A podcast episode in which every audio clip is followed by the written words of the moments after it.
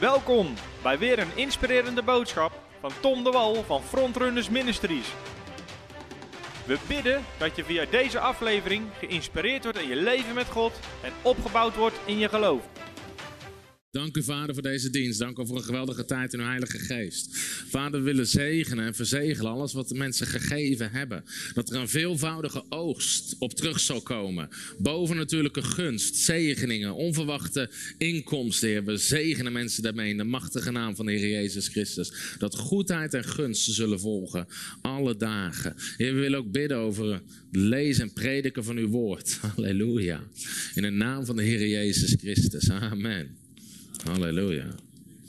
Ik voel de Heilige Geest zo sterk. Ik moet moeite doen om nuchter te blijven nadenken. Halleluja. God is goed. Amen. Nou, wat ik wil doen, ik heb een krachtig woord van God ontvangen. En daarna geloof ik dat we een Heilige Geest tijd ingaan. Maar zoals we andere avond ook zien, sommige mensen worden gewoon al geraakt tijdens de preek. Uh, geraakt door de Geest van God. Dus we gaan zien wat er gebeurt. Amen. Nou, Gisteravond hadden we echt een geweldige tijd in aanwezigheid van de Heer. Je kan nooit bedenken van tevoren hoe een dienst gaat lopen. Van alles kan gebeuren en alles zal gebeuren. Amen. En gisteren was gewoon tot tijdens de preek God gewoon zijn vreugde, zijn heilige geest uitstorten. Mensen vielen van hun stoel af van het lachen. Mensen rolden door de zaal. En uh, het grappige is natuurlijk, we hebben die dienst stond online en de meeste reacties die je krijgt van mensen, waar staat dat in de Bijbel? Nou, er zit heel vaak een verschil tussen wat mensen denken wat de Bijbel zegt en wat de Bijbel daadwerkelijk zegt. Amen. Dus tekst na tekst na tekst spreekt hierover. De Heere vulde onze mond met lachen. Psalm 126, vers 2. De discipelen werden vervuld met blijdschap en met de Heilige Geest. Handelingen 13, vers 52. Overvloed van blijdschap is in uw tegenwoordigheid. Wat gebeurt er als je in de tegenwoordigheid van God komt? Dan kom je in een overvloed van blijdschap. Amen. God zit op zijn troon en hij lacht. De God van hoop nu mogen vervullen met alle blijdschap. Er staat, Jezus verheugde zich. He rejoiced greatly in the Holy Spirit. Halleluja. Nou, gisteren zag je mensen en they rejoiced greatly in the Holy Spirit. Amen. Het koninkrijk van God bestaat uit blijdschap in de Heilige Geest. God zal u geven vreugdeolie in plaats van een geest van rouw. Met vreugde zult u water scheppen uit de bronnen van het heil. Eeuwige blijdschap zal op hun hoofd zijn. Vreugde en blijdschap zullen ze verkrijgen. Verblijft u altijd in de Heer. Halleluja. Zoveel teksten over blijdschap en de Heilige Geest. Blijdschap en de tegenwoordigheid van God. Nog los van alle dingen die de Bijbel zegt over dat de mensen niet konden blijven staan in de tegenwoordigheid van God als de glorie van God kwam. Los van wat handelingen zegt, dat de mensen dachten dat ze dronken waren in de Heilige Geest. Het probleem wat we hebben is dat we een te verstandelijk christendom hebben in Nederland. Mensen zitten allemaal te verstanden, te denken en te denken en te denken in plaats van te drinken. Ze hebben liturgieën waarvan ze van de eerste tot de laatste seconde precies weten hoe de dienst eruit gaat zien. Dan heb je geen Heilige Geestdienst. Want dan weet je nooit hoe de dienst eruit ziet. Amen. En sommige mensen zeggen ja, dat op de grond liggen, waar staat dat? Psalm 23. De Heer is mijn herder, mij ontbreekt niks, hij doet mij nederliggen.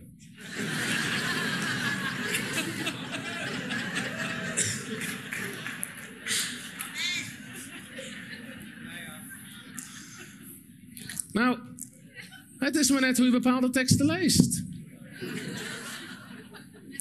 Jaren terug, ja, echt jaren, jaren geleden, ik woon nog met mijn ouders, was ik aan bidden op mijn slaapkamer. En de geest van God kwam in mijn slaapkamer. En ik vloog letterlijk door de kamer heen. En ik landde op de grond en ik begon gewoon te schudden en te schudden en te schudden. En ik zei, het eerste wat ik in me opkwam. Heer, waar staat dit in uw woord? En ik hoorde de stem van God. Psalm 96, vers 9. En ik zocht het op en er stond beef voor mijn aangezicht. Zie je, God weet zijn eigen woord beter dan ons. Hij heeft het geschreven. Sommige mensen zeggen dat is niet letterlijk. Waarom niet? Ik hoorde van een Chinese voorganger die uit een, in een gevangeniskamp zat. En op een gegeven moment zei de Heilige Geest van God dat hij moest ontsnappen. En hij sprong over een muur van vier meter, dat is hoger dan die muur.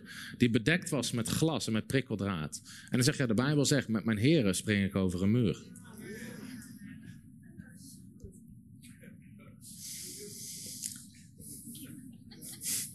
Nou, we hebben nodig, zo nodig, deze dingen van de Heilige Geest.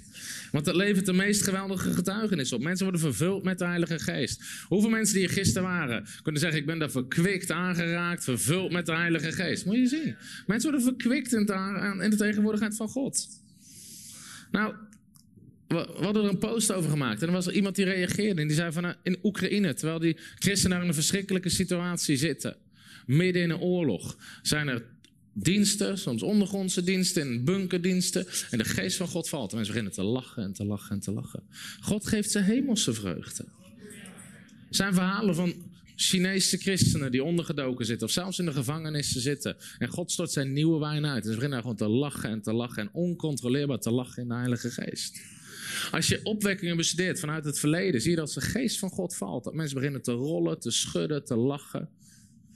Sommigen zeggen maar de vrucht van de geest is toch zelfbeheersing. Dat gaat over je karakter. Wat God uitwerkt in je karakter. Het gaat niet over de manifestaties van de Heilige Geest. Daarom moet je het woord van de waarheid recht snijden. Amen. Het is zo belangrijk dat we weten hoe die dingen zitten. Nou, ik hoor ook een gaaf getuigenis van Arnoud. Zou je me even kort willen vertellen? Het is gewoon heel, dit is gewoon iets wat wat gewoon grappig is, maar wel gewoon mooi om te zien hoe kinderen dit ontvangen. Yes. Doet hij het? Ja, toch? Hij doet het. Hij doet het. Um, ja, we waren hier donderdagavond en vrijdagavond en we waren aardig aangeraakt. Ik weet niet of, wie waren erbij toen wij hier waren? Ja, toch? Dat was goed. We hebben hier zelf ook een beetje lopen rollen en zo. Flink verkwikt, als je het zo mag noemen. En uh, ik, uh, ik mag leiding geven aan House of Miracles. En ik was vanochtend was ik in mijn, stille tijd. En ik was eigenlijk gewoon de preek aan het voorbereiden. Maar ik ging spreken over, uh, over Rebecca. En daar, daarin komt een verhaal in voor dat de kamelen veel aan het drinken waren. En ik lees constant die tekst van dat drinken. En ik werd zelf gewoon weer dronken. Dus ik liep daar helemaal dronken rond. En ik vergat helemaal de tijd, joh. En toen kwam Deborah, die kwam aan de deur. Die zegt van, dat is mijn vrouw. En die zegt van, uh, joh, je bent al heel erg lang boven. Ik ben wel een beetje zat met die kinderen beneden. En die, die waren ook al een beetje druk. En ik zat echt al lang. Ik was de tijd totaal vergeten. En die zegt van, joh, kan ik hier even zitten? Dan ga ik even zitten met God. Ik ja, tuurlijk, ga jij hier maar zitten. Dus ik ging naar beneden. Ze zijn nog wel even van tevoren. Jordani, dat is ons zoontje, die is vijf jaar. Die is echt een beetje, dat was een beetje zagrijnig. Die was er een beetje klaar mee. En ik kwam beneden en hij zat buiten. Boos, zagrijnig. Ik dacht, nou ja, ik laat hem lekker zitten. Dus ik ging met die andere kids zitten. En vervolgens ging Dani, die ging naar boven. En, uh, en uh, de boer zat daar in de tegenwoordigheid van God. En hij doet de deur open en hij keek heel boos richting de boer. En hij stapt naar binnen. en hij begint zo keihard te lachen in de Heilige Geest. En hij zegt zo tegen hem, hij zegt, mama, wat is dit? En ze zegt, dat is de vreugde van God. Hij zegt, dat is heel mooi. Ik ga Jess halen, mijn zusje. Halleluja, ja toch? Moet je zien. Hoe kinderen die boos binnenkomen, meteen oppikken en gewoon hup erin meeflowen. Amen. Halleluja. Prijs God. En ook in je eigen tijd. Je kan nog een iedere keer weer instappen in die vreugde van de Heer. Amen. Je mag met me meegaan naar Genesis hoofdstuk 26. Halleluja. Genesis hoofdstuk 26. En ik wil spreken over het heropenen van de bronnen van opwekking. Het heropenen van de bronnen van opwekking. Genesis hoofdstuk 26 en we gaan lezen vanaf vers 12. Nou, het verhaal hiervoor is dat Isaac, de zoon van Abraham, Abraham is overleden en Isaac, die is ergens en er breekt een hongersnood uit. En het natuurlijke zou je weggaan, je zou wegtrekken uit zo'n doorland. Maar de God zegt nee, woon in het land waar ik zeg dat je moet wonen. En dan zegt de Bijbel, zo besloot hij om in Gerard te blijven wonen. En dat was de plek waar de hongersnood was, dat is vers 6. En dan vers 12 staat dit. Isaac zaaide in dat land en hij oogste het honderdvoudige, want de Heere zegende hem. De man kreeg aanzien, gaandeweg meer aanzien, totdat hij zeer aanzienlijk geworden was. Nou, op een of andere manier heeft de HSV er een missie van gemaakt om het woord voorspoed eruit te vertalen. Heel veel teksten waar letterlijk staat voorspoed of rijkdom, hebben ze iets anders van gemaakt. Dus hier staat, als je alle andere vertalingen leest, hij werd rijker en rijker totdat hij zeer rijk geworden was. Of hij werd voorspoedig en voorspoediger totdat hij zeer voorspoedig geworden was. En er zijn heel veel plekken waar het woord voorspoed staat. Dus daar moet je in de Engels maar gewoon het woord prosperity opzoeken. En kijken hoeveel teksten er zijn die daarover spreken. Dus mensen zeggen, je gelooft er niet in prosperity gospel. En ze denken dat het niet in de Bijbel voorkomt. Maar het komt ontzettend vaak voor. Dat de Heer je zegent met voorspoed. Zeg eens, de Heer zal mij zegenen met voorspoed. Nou, dat is niet mijn preek, maar je krijgt het er gratis bij. Hij had kudde kleinvee, kudde runderen, groot aantal slaven, zodat de Filistijnen jaloers op hem werden. Halleluja. De wereld hoort jaloers op je te worden door de zegen van God. Amen. Nogmaals, er zit vaak een verschil tussen wat mensen denken, wat de Bijbel zegt en de Bijbel zegt. We hadden een quote op onze Instagram-pagina over als God je zegent, kan het jaloezie ontketenen. Dat is letterlijk wat, de tekst naar tekst. Genesis 26, Psalm 112, tekst naar tekst. En christenen reageren. Nu je dit soort dingen gaat posten, nu stop ik met het volgen van je bediening. Ze hebben geen idee dat het gewoon bijbelteksten zijn. Zie je, er zit altijd een verschil tussen wat mensen denken wat de Bijbel zegt en wat de Bijbel zegt. Vers 15. Al de putten. Iedereen zegt al de putten. Die de dienaren van zijn vader in de dagen van zijn vader Abraham gegraven hadden, stopten de Filistijnen dicht en ze vulden ze met aarde. Wat spreekt over mensenwerk. Aarde staat voor mensen. Nou, toen Abimelech tegen, toen zei Abimelech tegen Isaac: Ga weg van ons, want u bent veel machtiger. Iedereen zegt veel machtiger. Veel machtiger geworden dan wij. Toen ging Isaac vandaar weg en hij sloeg zijn kamp op in het dal van Gera. Daar bleef hij wonen. En Isaac keerde terug. Iedereen zegt: Isaac keerde terug. En groef de waterputten weer op. Die zij in de tijd van zijn vader Abraham gegraven hadden. En die de Filistijnen na de dood van Abraham dichtgestopt hadden. En hij gaf ze dezelfde namen. Iedereen zegt dezelfde namen. Als zijn vader ze gegeven had. En de dienaren van Isaac groeven eens in het dal en vonden daar een put met opborrelend water. Halleluja. Als de Arno deze tekst leest, begint hij al te lachen. Opborrelend water. De herders van Gera kregen daarop oneenigheid met de herders van Isaac en zeiden: Dit water is van ons. Hij gaf die naam, hij gaf de put de naam Esek, wat betekent ruzie, omdat zij ruzie met hem gemaakt hadden. Vervolgens groef ze een andere put, maar ze kregen ook daar oneenigheid over. Daarom gaf hij die de naam Sitna, wat betekent vijandigheid. Toen brak hij van daarop en groef een andere put en daarover kregen zij geen oneenigheid. Daarom gaf hij hem de naam Reabot, want hij zei nu de Heer heeft ruimte voor ons gemaakt. En dat betekent ook dat God ruimte maakt. En nu zullen we vruchtbaar zijn in het land. Zeg, nu zullen we vruchtbaar zijn in het land. Halleluja.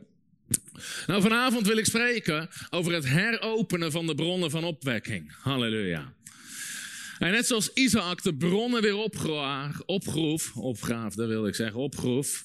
Ik weet niet eens wat de goede versie is, maar in ieder geval, hij maakte die putten open. nou, er kwam een tegenstand. En God heeft allerlei bronnen. God heeft allerlei bronnen. De Bijbel zegt in Jesaja 12, vers 3. U zult met vreugde water scheppen uit de bronnen van het heil. U zult met vreugde water scheppen uit de bronnen van het heil. Halleluja. Heil is het woord redding. En de Bijbel zegt dat je met vreugde water, beeld van de Heilige Geest, zult putten uit de bronnen van het heil. Nou, wat zijn de bronnen van het heil? De bronnen van het heil zijn alles wat Christus voor ons heeft vrijgezet. Sinds dat Christus is gestorven aan het kruis is er een bron ontstaan. Is er een stroom ontstaan vanuit de hemel wat beschikbaar is voor ons. Amen. Dus de bronnen van het heil, de onuitputtelijke bronnen van het heil, is gewoon überhaupt je redding. Dat je gered kan worden, halleluja. Dat je vergeven kan worden. Vergeving van zonde door het bloed van Christus. De rechtvaardiging die je ontvangen hebt. Dat je bent gerechtvaardigd in Christus. Genezing, halleluja. Door zijn streamen zijn we genezen. Genezing is een bron van heil, halleluja. Er is een onuitputtelijke stroom van genezing vanuit de tegenwoordigheid van God. Bevrijding hoort bij de bronnen van het heil. Het wordt sowieso redding of heil in de Bijbel betekent altijd al die dingen. Het betekent totaal herstellen. Het betekent totaal herstellen. Vervulling met de Heilige Geest is een van de bronnen van ons heil. Maar we kunnen dankzij het offer van Christus bij de vervulling met de Heilige Geest. Amen. Het spreken in tongentaal, het spreken in hemelse talen. Waardoor je dingen kan bidden die je niet kan weten. Halleluja, dat is een van de bronnen van het heil. De gaven van de Heilige Geest. De negen gaven van de Heilige Geest die we zo nodig hebben en die vaak ontbreken in de kerk. Woorden van kennis, woorden van wijsheid, profetie, onderscheid van geesten, gaven van geloof, werkingen van krachten. Al die dingen hebben we nodig. Tongentaal, vertalingen van tongentaal. We hebben het allemaal zo nodig. Iedere dienst zou vol moeten zijn van de werkingen van de Heilige Geest. Iedere christen zou moeten functioneren in de werkingen, niet alleen in de dienst. Op je werk, op straat, in de bus. Dat gewoon de geest van God je woorden van kennis geeft. Woorden van wijsheid geeft. Gaven van genezing door je weet. Werkingen van krachten. Dat je de gaven van geloof krijgt voor God voor dingen. Hoort allemaal bij de bronnen van het heil. Voorziening. En de zegen en de voorspoed. Hoort bij de bronnen van het heil. Want Christus heeft de vloek gedragen en de zegen van Abraham vrijgezet. Halleluja. God zal voorzien in alles wat je nodig hebt. Overeenkomstig zijn rijkdom in heerlijkheid door Christus Jezus. Voorziening is een van de bronnen van het heil. Halleluja. Vreugde, blijdschap in de Heilige Geest. Vrede, halleluja. En los daarvan een onuitputtelijke bron, vooral van bovennatuurlijke ervaringen. Als je in het boek Handelingen leest, je moet het boek Handelingen eens langzaam lezen. En iedere bovennatuurlijke ervaring. Zo gewoon eens aanstepen wat je opvalt. Je leest constant over dromen, visioenen, verschijningen van engelen, verschijningen van Jezus. Lopende band. Lopende band. En God voegde dagelijks mensen aan de gemeente toe. En duizenden werden toegevoegd. Hele stad kwam tot geloof. Hele, constant. Bijzondere wonderen, schaduw, zweetdoeken. Allemaal puttend uit de bronnen van het heil. Halleluja. Het komt allemaal voort uit wat Jezus heeft gedaan. Het zijn allemaal, komt allemaal uit de bronnen van het heil. Iets wat ook uit de bronnen van, de, van het heil komt, zijn de vijfvoudige bedieningen. Apostelen, profeten, herders, leraren en evangelisten. Want toen Christus opsteeg, zegt de Bijbel, gaf hij aan zijn gemeente gaven. In zijn lichaam heeft hij apostelen, profeten, herders, leraren en evangelisten geplaatst. 1 Korinthe 12, vers 28, er staat, God heeft nu gegeven ten eerste apostelen, ten tweede profeten. En het spreekt over allerlei bedieningen, leraren, werkingen van krachten, gaven van genezingen. Halleluja. God heeft nu ten eerste geplaatst apostelen, profeten, werkingen van krachten, gaven van genezing. En uiteindelijk er bestuurlijke gaven. Nou, in de meeste gemeentes zijn geen apostelen, geen profeten, geen werkingen van krachten, geen gaven van genezingen. En we vragen ons af waarom de kerk dood is, omdat de bronnen van het heil dichtgestopt zijn. Gevuld met aarde, gevuld met mensenwerk. Gevuld met menselijke schema's, met liturgieën, met plannen. Maar niet vanuit de geest van God. Nou, we lezen weer de Filistijnen. Genesis 26, vers 15. Al de putten, zeg eens al de putten. Die de dienaren van zijn vader in de dagen van zijn vader Abraham gegraven hadden, stopten de Filistijnen dicht en vulden ze met aarde. Nou, al de putten die de dienaren van zijn vader in de dagen van Abraham. Nou, dit was na de dood van Abraham. En de putten werden dichtgestopt met aarde. Dat staat voor mensenwerk. Wie deden dat? De Filistijnen. De Filistijnen staat altijd symbool voor de vijanden van God. Vijanden van God. En ze stopten die putten dicht met mensenwerk. Nou, dit gebeurde niet alleen toen. Dit zie je precies hetzelfde gebeuren in de periode na het boek Handelingen. Want in het boek Handelingen, daar zie je hoe machtig de Heilige Geest van God werkt. Handelingen hoofdstuk 2, de geest wordt uitgestort, 3000 komen tot geloof. Ze begonnen met maar 120 mensen die de geest ontvingen. 3000 komen tot geloof. Handelingen 4, vers 4 zegt, de gemeente bestond al uit 5000, alleen de mannen. Dus waren in no time bestond de gemeente in Jeruzalem uit 25, 30, misschien wel 40.000 mensen. En als je boek Handelingen verder gaat lezen, de Heer voegde grote menigte toe. Dagelijks werden mensen toegevoegd. Grote genade van de Heer was over hen. Ze deden grote wonderen en tekenen. Heel de stad kwam samen om het woord te horen. En ze verspreidden zich. En binnen no time, binnen 40 jaar, werd de hele toenmalig bekende wereld werd bereikt met het evangelie van Jezus Christus. Zover zelfs dat Paulus in Romeinen hoofdstuk 15 zegt: Ik ben op zoek naar gebieden om Christus te prediken, want ik wil niet op het fundament van een ander doorbouwen. Dus ik ben onderweg naar Spanje. Paulus moest 5000 kilometer verderop omdat de kerk bleef verspreiden, bleef verspreiden, bleef verspreiden. En ze hadden niet eens een Bijbel. De drie-eenheid is Vader, Zoon, Heilige Geest. Sommige mensen hebben de drie-eenheid gemaakt. Vader, Zoon, Heilige Bijbel. Ze hebben de geest weggedaan. Maar de drie-eenheid is Vader, Zoon, Heilige Geest. Het woord helpt je om de geest beter te leren kennen. Sommige mensen denken dat de geest helpt om het woord beter te leren kennen. Er zit altijd maar kennis en kennis en kennis. Maar kennis maakt opgeblazen, het maakt hoogmoedig, arrogant. We willen een beweging van de geest hebben. Kennis is mensenwerk. Nou, laat al die dingen, visioenen, verschijningen, profetieën, engelen, dromen, transportatie in de geest. Genezingen, wonderen, tekenen, bevrijdingen. Al die dingen waren volop actief. En de kerk verspreidde zich zo snel dat niemand kon ze tegenhouden. Ze werden gigantisch verdrukt, maar niemand kon ze tegenhouden. En wat gebeurt er eigenlijk als je de kerkgeschiedenis bestudeert? Zie je twee dingen. De overheid gaat zich ermee bemoeien. En de eerste stap waarop de duivel de kerk zwak maakt, en dit beseffen mensen niet, is door samen te werken. De overheid ging samenwerken met de kerk. En dat gebeurde ongeveer rond de regering van keizer Constantijn. En die bekeerde zich. En hij maakte christendom legaal. Dat was de eerste stap. Je mocht, je mocht legaal christen zijn. Was een slechte stap voor het christendom. Want de vervolging was afgelopen. En de volgende stap was dat mensen christen moesten zijn. Want hij maakte het de staatsgodsdienst en zijn zonen. Dus iedereen, de heidenen werden eraan toegevoegd. En toen gingen ze het organiseren, mensenwerk. Dus ze begonnen de werking van de geest begonnen ze te doven. En ze stelden bisschoppen aan en allerlei mensen over bepaalde gebieden. En mensen mochten niet meer gedoopt worden, moesten alleen daar. En als je toch bij de kerk moet horen, kan je dus gewoon meteen maar kinderen gaan dopen. En zo kwam een hele hoop religie, religie, religie. En de kerk werd vol met mensenwerk. En de bronnen waren dichtgestopt. De bronnen werden dichtgestopt. De Rooms-Katholieke Kerk. Alle bronnen werden dichtgestopt. Het woord. Op een gegeven moment in de tijd van de Rooms-Katholieke Kerk was het verboden om een Bijbel te hebben. Niemand had meer een Bijbel. Redding, zonde, vergeving. Werd vervangen door aflaten, afkopen en dat soort dingen. Mensen konden niet eens gered worden. Vervulling met de Heilige Geest, weggedaan. Waterdoop, weggedaan. Bevrijding, weggedaan. Genezing, weggedaan. Heilige Geest, gaven, weggedaan.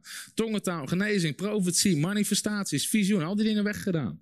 Vijfvoudige bediening, apostelen, profeten, herders, leraar heeft afgeschreven. Vervangen door bisschoppen en priesters en pauzen. En wat doet God? God gebruikt mannen en vrouwen om de bronnen weer op te graven. En God roept in deze tijd mannen en vrouwen om die bronnen van opwekking weer open te graven. En ook in die tijd. Een van de eerste die God riep, was bijvoorbeeld Wycliffe. Die op zijn hart kreeg om de Bijbel te vertalen. We hebben nog vandaag nog steeds de Wycliffe Bijbelvertalers. Nou, de katholieke kerk heeft Wycliffe vervolgd en vervolgd en vervolgd.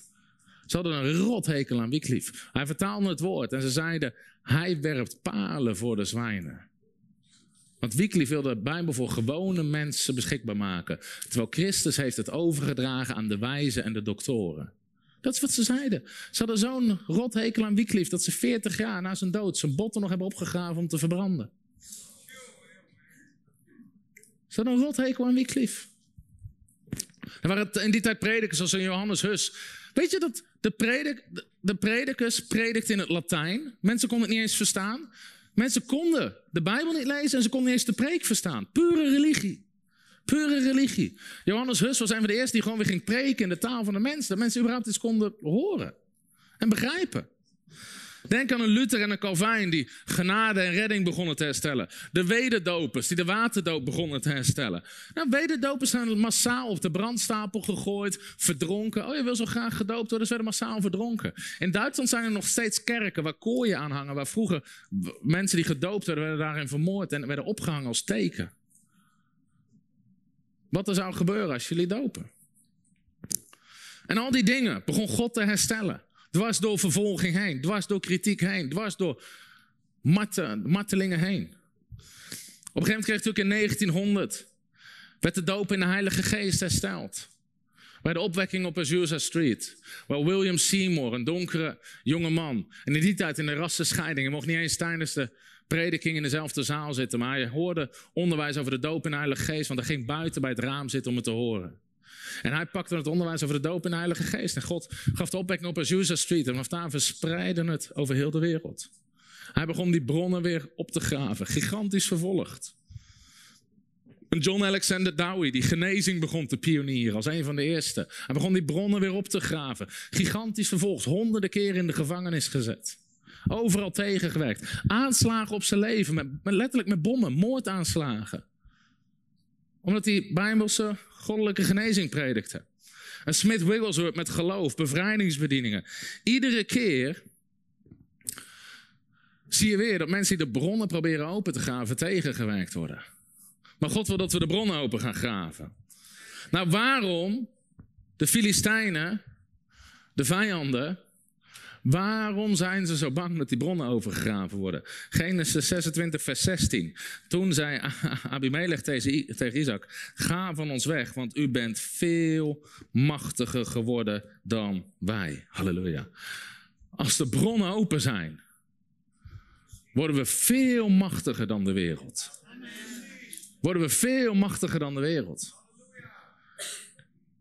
Het koninkrijk van God is niet van deze wereld, maar we zijn wel op deze wereld. Maar God heeft geen wereldse systemen nodig om zijn koninkrijk te bouwen. Als we blijven bij de waarheden van Gods woord, zijn we machtiger. Kijk maar, naar Jezus, kijk maar naar Jezus, kijk maar naar handelingen. Ze hadden niet de meest fancy dingen, maar ze hadden de heilige geest en kracht. En ze hadden de waarheden en de opdrachten die Jezus overgedragen had. In het boek Handelingen wordt gezegd: Zij die de wereld op zijn kop gezet hebben, zijn nu hier gekomen. Halleluja.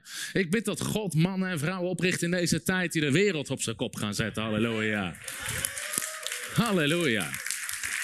Ik voel de Heilige Geest van God hier.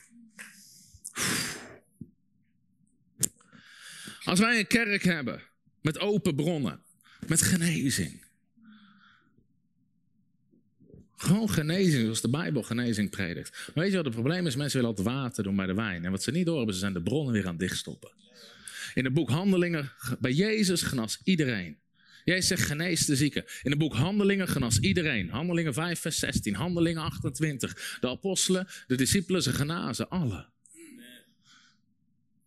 En die bron moet weer open. Kan je nagaan hoe de wereld zou veranderen als we dezelfde wonder hebben als in Handelingen? Dat is handelingen 5, waar de schaduw van Petrus maar op mensen hoefde te vallen en ze genazen en demonen gingen eruit. Kan je nagaan hoeveel mensen er tot geloof komen als alleen maar jouw schaduw op mensen hoeft te vallen en demonen vliegen eruit? Nou, wat is er gebeurd? Zijn demonen sterker geworden? Zijn ziektes erger geworden? Of zijn de christenen zwakker geworden? Zijn we aan het werk geweest met dichte bronnen?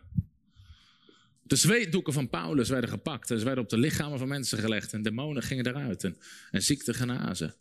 Nou, wat is er gebeurd? Als we weer teruggaan naar genezing, als we teruggaan naar bevrijding, gewoon lopende band demonen eruit gooien. In de kerk zitten te veel demonen. Ja.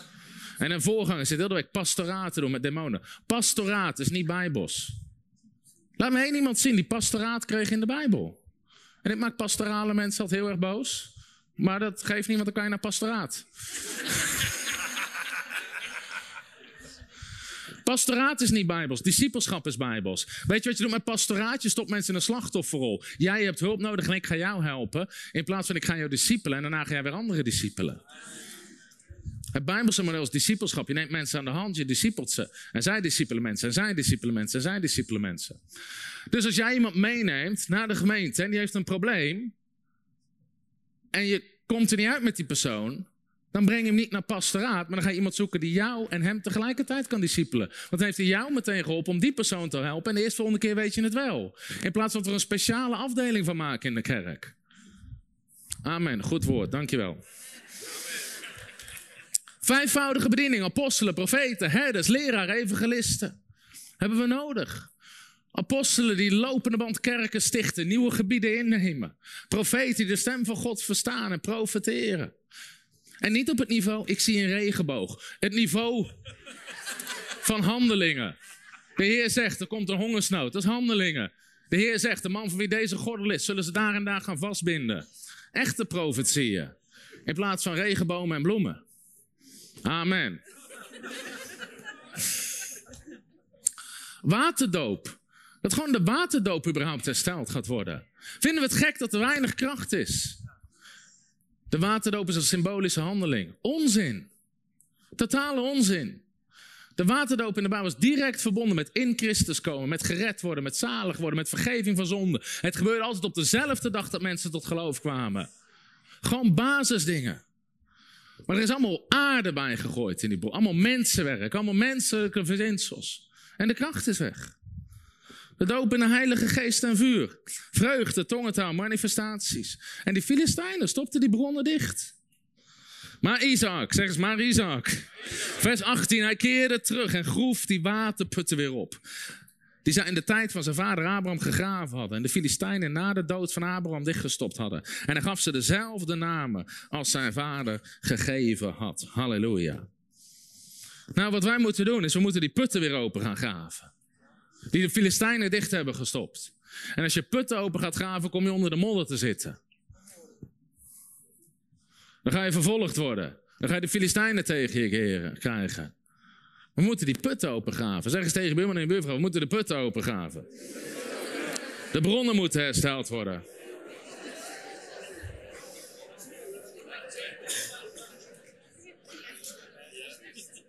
Nou, weet je wat altijd het gevaar is in de kerk? Dat een bepaalde generatie ergens voor vecht en de generatie het daarna verliest.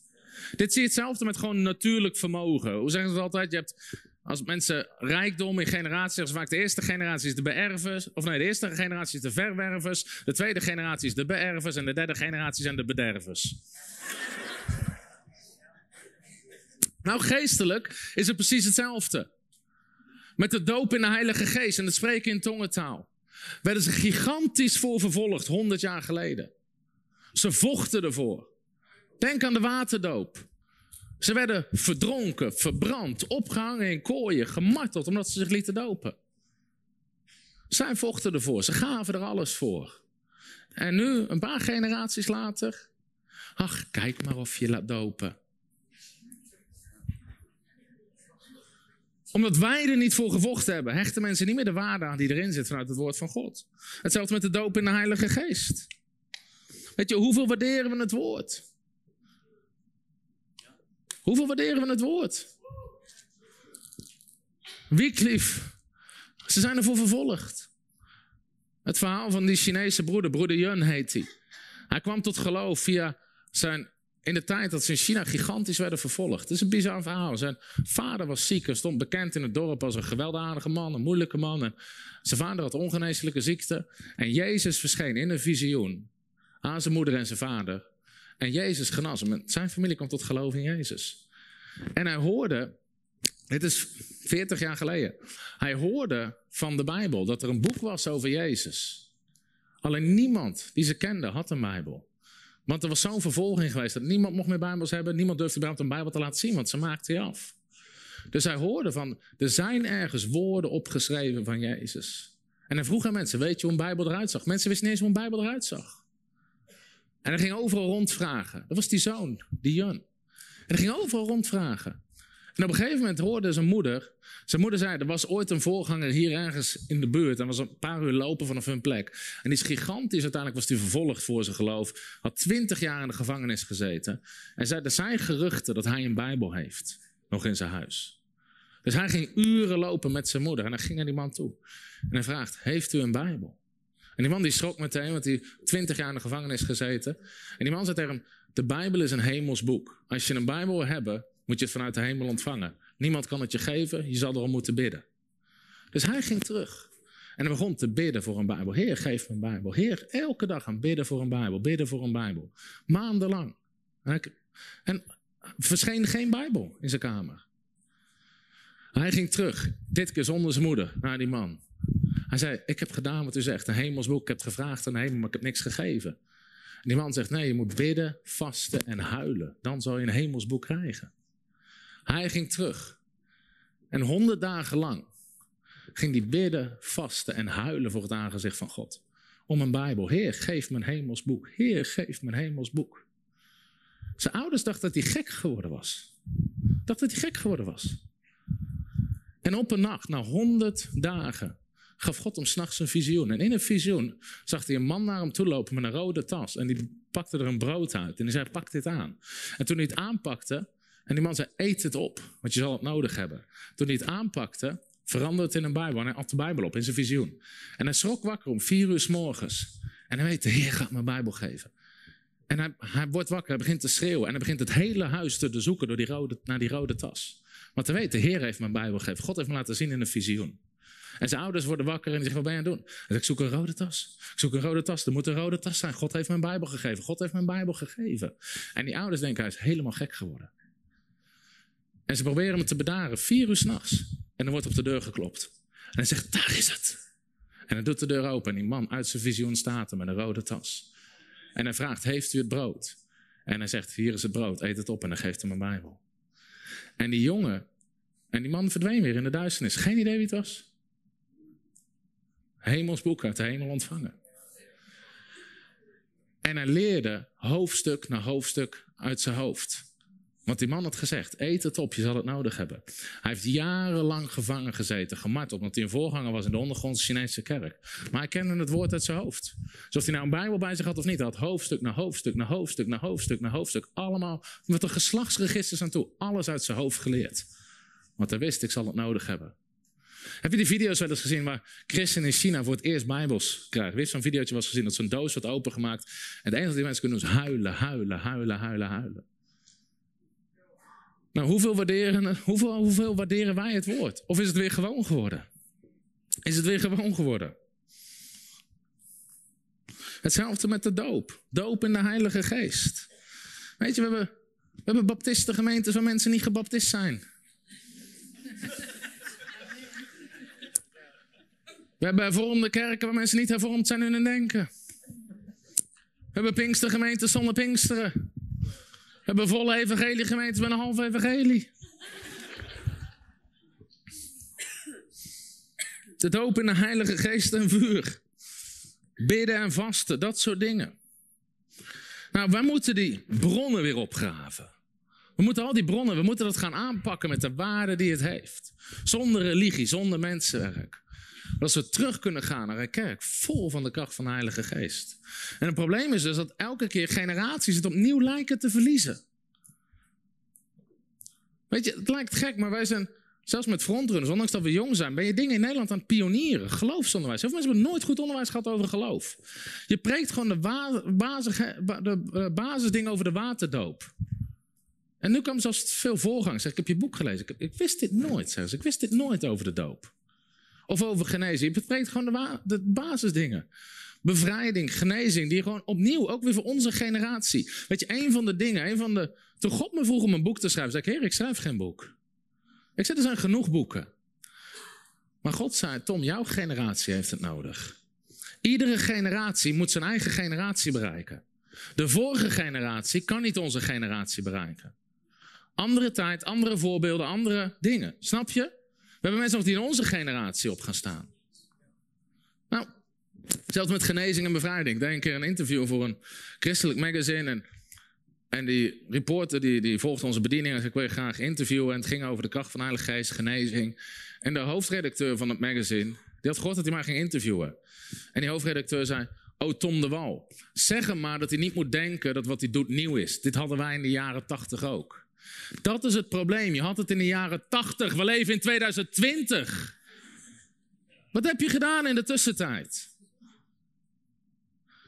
Elke keer proberen de Filistijnen, religie, proberen die bronnen weer dicht te gooien.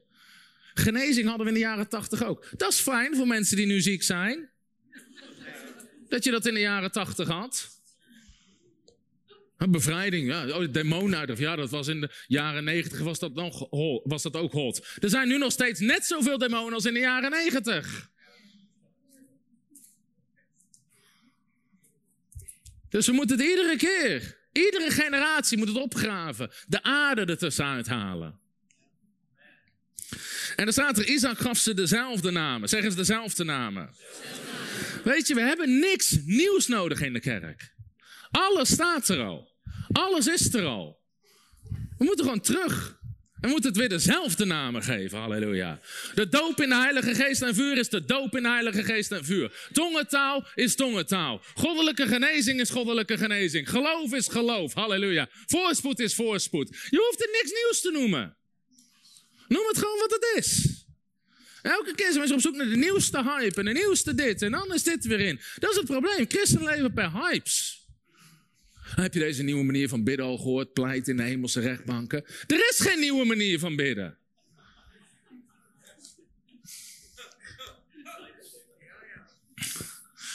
Iedereen zegt dezelfde namen. Het is wat het is. Je hoeft het niet fancy te maken. Weet je wanneer je de krachtigste beweging ziet van God? Als je de fundamenten van het geloof spreekt. Bekering, Waterdoop. Bevrijding van demonen. Mensen leren bidden. Mensen leren God te geloven voor dingen. Goddelijke genezing. Spreken in tongentaal. In plaats van allemaal preken in kerken, je moet ook genieten van de reis op weg naar je bestemming. Niet alleen van de bestemming. Jezus en Paulus preekten nergens. Lieve mensen, jullie moeten ook genieten van de reis op weg naar de bestemming.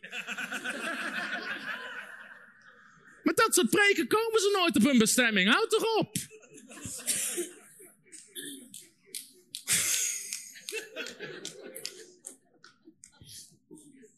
Het is wat het is. Halleluja. Isaac keerde terug. En hij groef die put op, halleluja. En hij gaf ze dezelfde namen. En de dienaren van Isaac groeven eens in het dal. En er vonden een put met opborrelend water. Maar ze kregen oneindigheid, ze kregen ruzie. Dat was Esek. Daarna kwamen ze bij Sitna, vijandigheid. En toen maakte de Heere ruimte voor ze. Nou, wie wil er hier bronnen op gaan graven? Halleluja. Hebben je wat bronnengravers? Halleluja. Nou, als je bronnen op gaat graven, als je de aarde eruit gaat halen, als je het mensenwerk eruit gaat halen, dan zijn die mensen niet zo blij mee. Je komt bij Esek en Sitna. Je komt bij ruzie en oneenigheid. Daarom heb ik gesproken over vervolging. Er is geen opwekking zonder opschudding. Er is geen opwekking zonder opschudding. Daarom zeg ik net, we hebben niks nieuws nodig. We moeten het gewoon gaan doen. Weet je wat een probleem is? We hebben gehoorzaamheid in de kerk vervangen door gebed.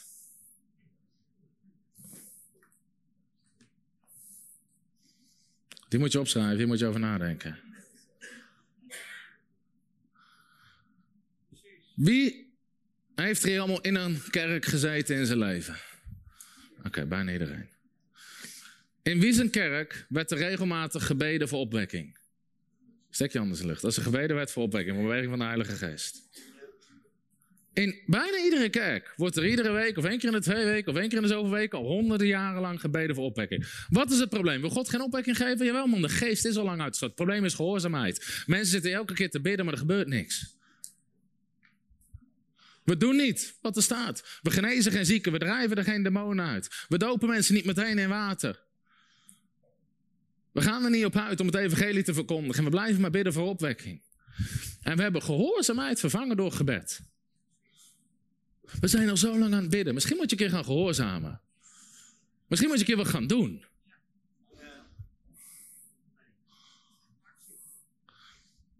Heer zendt arbeiders. Jij bent er toch? Ga jij dan?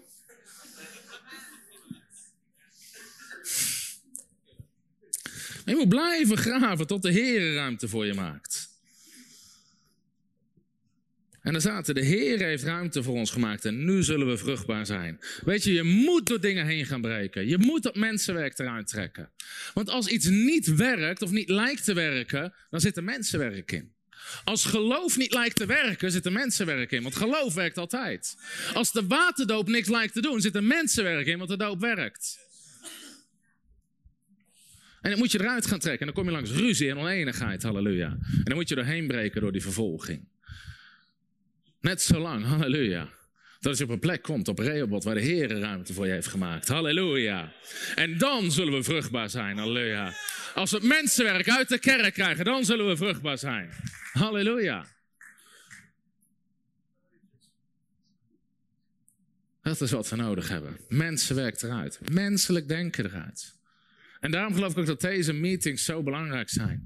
Waar mensen kunnen komen om gewoon op te laden in de tegenwoordigheid van God. Want velen zitten niet in een omgeving waar ze dit soort onderwijs krijgen. Of in een kerk waar, waar opwekking is, waar, waar geëvangeliseerd wordt. Mensen wekelijks tot de Heer komen of dagelijks tot de Heer komen, zijn handelingen. Waar visioenen, verschijningen, dat soort dingen normaal zijn. En daarom ook, het viel mij nu op met deze diensten, dat we Vanaf donderdagavond, bam, vuur van God viel. Mensen begonnen te lachen, te huilen, werden aangekeken door de Heilige Geest, werden verfrist. Vrijdagavond, zaterdagavond. Weet je, en toen, een van de dingen waren gewoon, hebben het bepaald, man, er zijn zo weinig plekken waar je dat kan ontvangen. Er zijn zo weinig plekken waar je gewoon kan komen en drinken. Waar je het vuur van de Heilige Geest, waar je af en toe opnieuw in de fik gezet kan worden, halleluja. De apostelen hadden dat ook. Ze kwamen weer bij elkaar toen ze bedreigd werden. Toen ze tegen vijandigheid aanliepen. Toen ze in Sitna kwamen. Ze kwamen weer bij elkaar. Ze baden vrijmoedig. En de geest van God viel en het hele gebouw schudde. En ze werden vervuld met vrijmoedigheid. Halleluja! Halleluja. Iedereen zegt halleluja. Dit is een plek waar je gevuld wordt met vrijmoedigheid. Halleluja. Sommige christenen hebben er moeite mee als christenen schudden, maar in handeling schudden hele gebouwen. You've ain't seen nothing yet. Amen.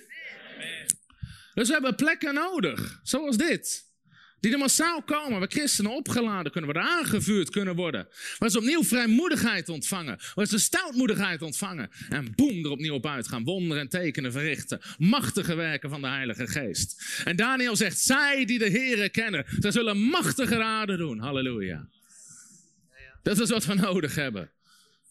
Dat je familieleden, dat je buren, je kennissen, mensen genezen, bevrijd worden, gedoopt worden. Weet je, we hebben een groep in, ik denk niet dat ze nu zijn, uit Tilburg. En die kwamen tot geloof uit helemaal geen religieuze achtergrond. En aan de lopende band, bijna een hele straat is tot geloof gekomen. Helemaal geen religieuze achtergrond. En ze dopen mensen de lopende band in de vijver, gewoon bij het huis, in badkuipen, in kliko's. Mensen worden gedoopt, keer op keer op keer. En de een naar de ander komt tot bekering en tot bekering. En ze getuigen en ze genezen. Weet je, je durft ze. Ze zijn nu gewoon een eigen groep begonnen van House of Miracles. Je durft ze niet eens in een bestaande kerk te zetten, want er wordt er aarde bij gegooid. Eh, doe maar rustig.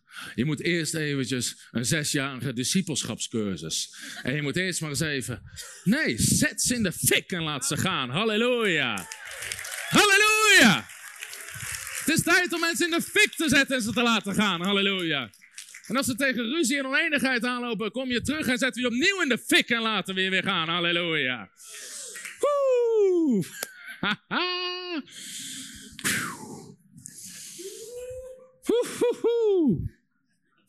Halleluja. Iedereen zegt halleluja. Halleluja. Nou, dat is een van de dingen die God op mijn hart legde. Dit noemden we al jarenlang de Greater Power Conference. Maar ik kwam erachter, mensen hebben moeite met het vallen van de geest en het vuur van God en hemelse vreugde. En er zijn weinig plekken waar het is. Dus vanaf nu noemen we het de Greater Power Holy Ghost and Fire Meetings. Halleluja. Waar mensen iedere keer opnieuw kunnen komen om Holy Ghost and Fire te ontvangen. Hoeveel vijandigheid, hoeveel ruzie er ook op afkomt. Want dit soort dingen hebben we nodig. We hebben nodig dat mensen de nieuwe wijn kunnen drinken. We hebben dronken mensen nodig die niet zoveel nadenken, die meer drinken en vrijmoedig worden. Die vrijgevig worden, die gewoon vrolijk zijn. Halleluja. Woe. Dus vanaf nu zal het ieder jaar heten Greater Power Conference Holy Ghost and Fire Meeting. Speciaal voor de mensen die daar moeite mee hebben. Halleluja! Halleluja! Hallo, Tom de Wol hier en bedankt dat je weer geluisterd hebt naar onze podcast. Ik bid dat het je geloof gebouwd heeft en je bemoedigd bent. Als je niet alleen een luisteraar van onze boodschap wil zijn, maar ook een verspreider daarvan, wil ik je uitnodigen om partner te worden van Frontrunners. Door jouw maandelijkse donatie help je ons om dit evangelie van Jezus Christus en het woord van God over heel de aarde te brengen.